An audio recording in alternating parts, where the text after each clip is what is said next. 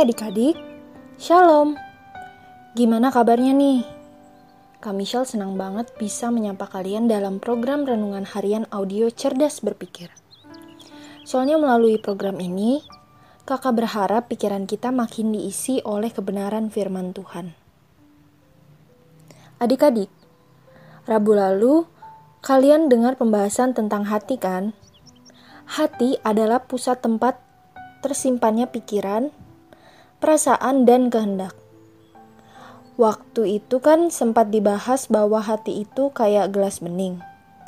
Kalau diisi air teh manis, warna gelasnya jadi kelihatan kayak warna teh kan? Tapi kalau diisi air bening, warna gelasnya kelihatan bening kan? Tapi hari ini Kak Michelle mau umpamain hati itu kayak tanah yang subur. Saking suburnya, benih apa pun kalau ditanam pasti tumbuh. Kecuali kalau digagalkan sama yang punya tanah itu. Dari benih bisa tumbuh subur jadi pohon. Pohonnya bertunas dan berbunga. Dan dari pohon tersebut, benih-benih baru bermunculan dan tersebar ke sekitarnya. Benih-benih baru tersebut pun segera tumbuh. Namanya juga tanah subur banget. Begitu juga seterusnya. Dari benih kecil lama-lama jadi pohon, lalu bisa jadi kebun. Kalau terus-menerus dibiarkan, bahkan bisa jadi hutan. Bukan gak mungkin kan? Namanya juga tanah yang subur banget. Nah, begitu juga dengan hati. Mungkin tanpa sadar, kita mungkin membiarkan berbagai benih keburukan tumbuh dengan subur benih kebencian, kesombongan, ingin dihormati, memandang rendah orang lain, mementingkan diri sendiri, dan masih banyak lagi benih lainnya. Kalau benih keburukan ini tumbuh, misalnya benih kebencian, lama-lama kebencian tersebut kadarnya semakin besar. Benih dibiarkan bisa berbuahkan hal-hal yang buruk, menularkan kebencian ke teman-teman sekitar Kayak yang pernah disinggung, kalaupun orang yang dibenci udah nggak ada, kebencian tersebut akan tetap ada.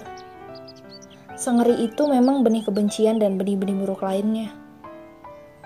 Tapi sebaliknya, kalau kita mengisi hati kita dengan benih kebaikan, maka akan tumbuh hal-hal yang baik dari diri kita. Lalu menghasilkan buah-buah karakter kebaikan yang kalau dalam kekristenan disebut dengan buah-buah roh yang kalau dalam kekristenan disebut sebagai buah roh yang terdapat dalam Galatia 5 ayat 22 sampai 23. Bunyinya gini. Tetapi buah roh ialah kasih, sukacita, damai sejahtera, kesabaran, kemurahan, kebaikan, kesetiaan, kelemah lembutan, penguasaan diri. Tidak ada hukum yang menentang hal-hal itu. Nah, untuk itu kita perlu tahu kalau kita harus menanam benih kebaikan di dalam hati kita. Pertama-tama kita harus menyaring apa yang baik untuk jadi input atau masukan ke dalam hati kita. Pergaulan yang punya kebiasaan buruk, yang gak perlu ditiru, misalnya ngomong kasar atau ngomong kotor. Pergaulan juga ngaruh banget sih buat kita, makanya kita itu harus hati-hati. Ya sebenarnya pilihan itu ada di tangan kalian.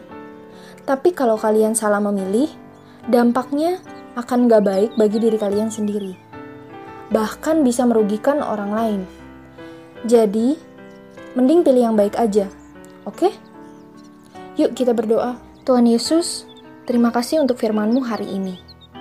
Biarlah melalui firman-Mu, kami bisa belajar untuk mengisi hati kami dengan benih kebaikan dan dari situ akan tumbuh hal-hal yang baik dari diri kita. Terima kasih ya Tuhan. Amin. Oke, tetap sehat, tetap semangat, dan tetap jadi berkat.